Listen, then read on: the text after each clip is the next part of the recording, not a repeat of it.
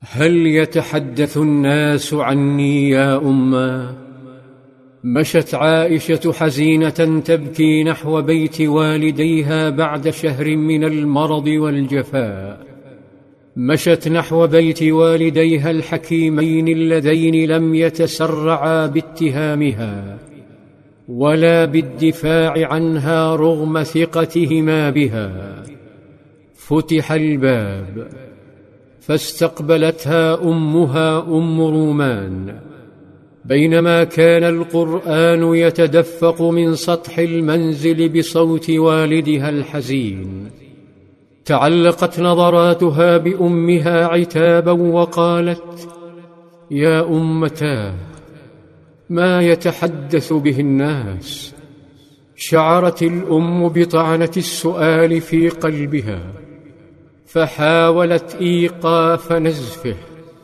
حاولت إنقاذ ما يمكن إنقاذه من هذه الناحلة التي هدها الحزن والمرض.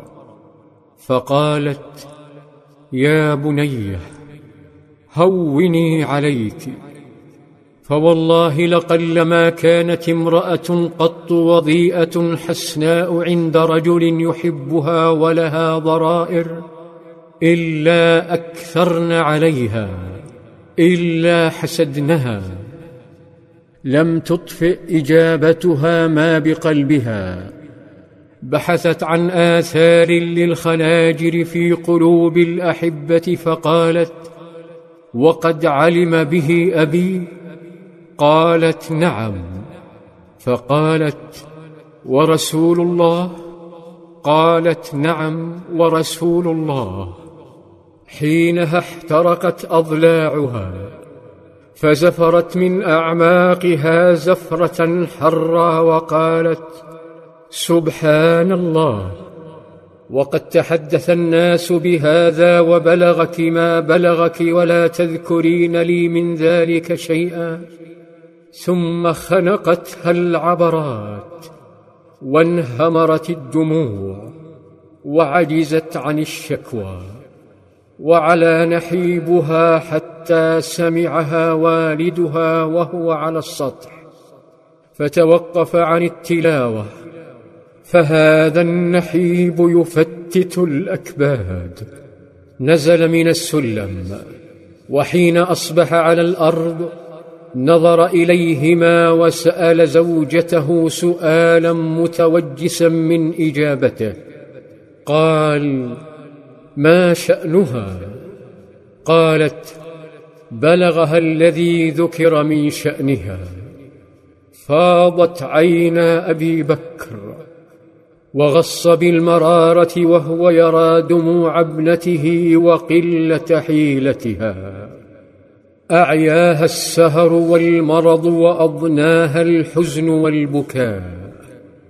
لكنه أدرك أن لا ملاذ لحبيبته إلا قرب نبيها عل وحيا ينقذها فاقترب من تلك العينين الغارقتين وناشدها ورجاها وقال أقسمت عليك أي بنية إلا رجعت إلى بيتك. امتثلت الفتاة وودعت أبويها وتهادت خلال طرقات حزينة ومظلمة ولما دخلت بيتها ألقت بجسدها الطاهر الذي أنهكته خناجر النفاق على الأرض ظلت ترتجف مرضا وبكاء طوال الليل. أذن بلال لصلاة الفجر وهي تبكي وأشرقت الشمس وهي تبكي. لا يرقأ لها دمع ولا تكتحل بنوم وأبطأ الوحي فضاقت الدنيا برسول الله صلى الله عليه وسلم. فقرر البحث بنفسه فتوجه نحو بيت زوجته زينب.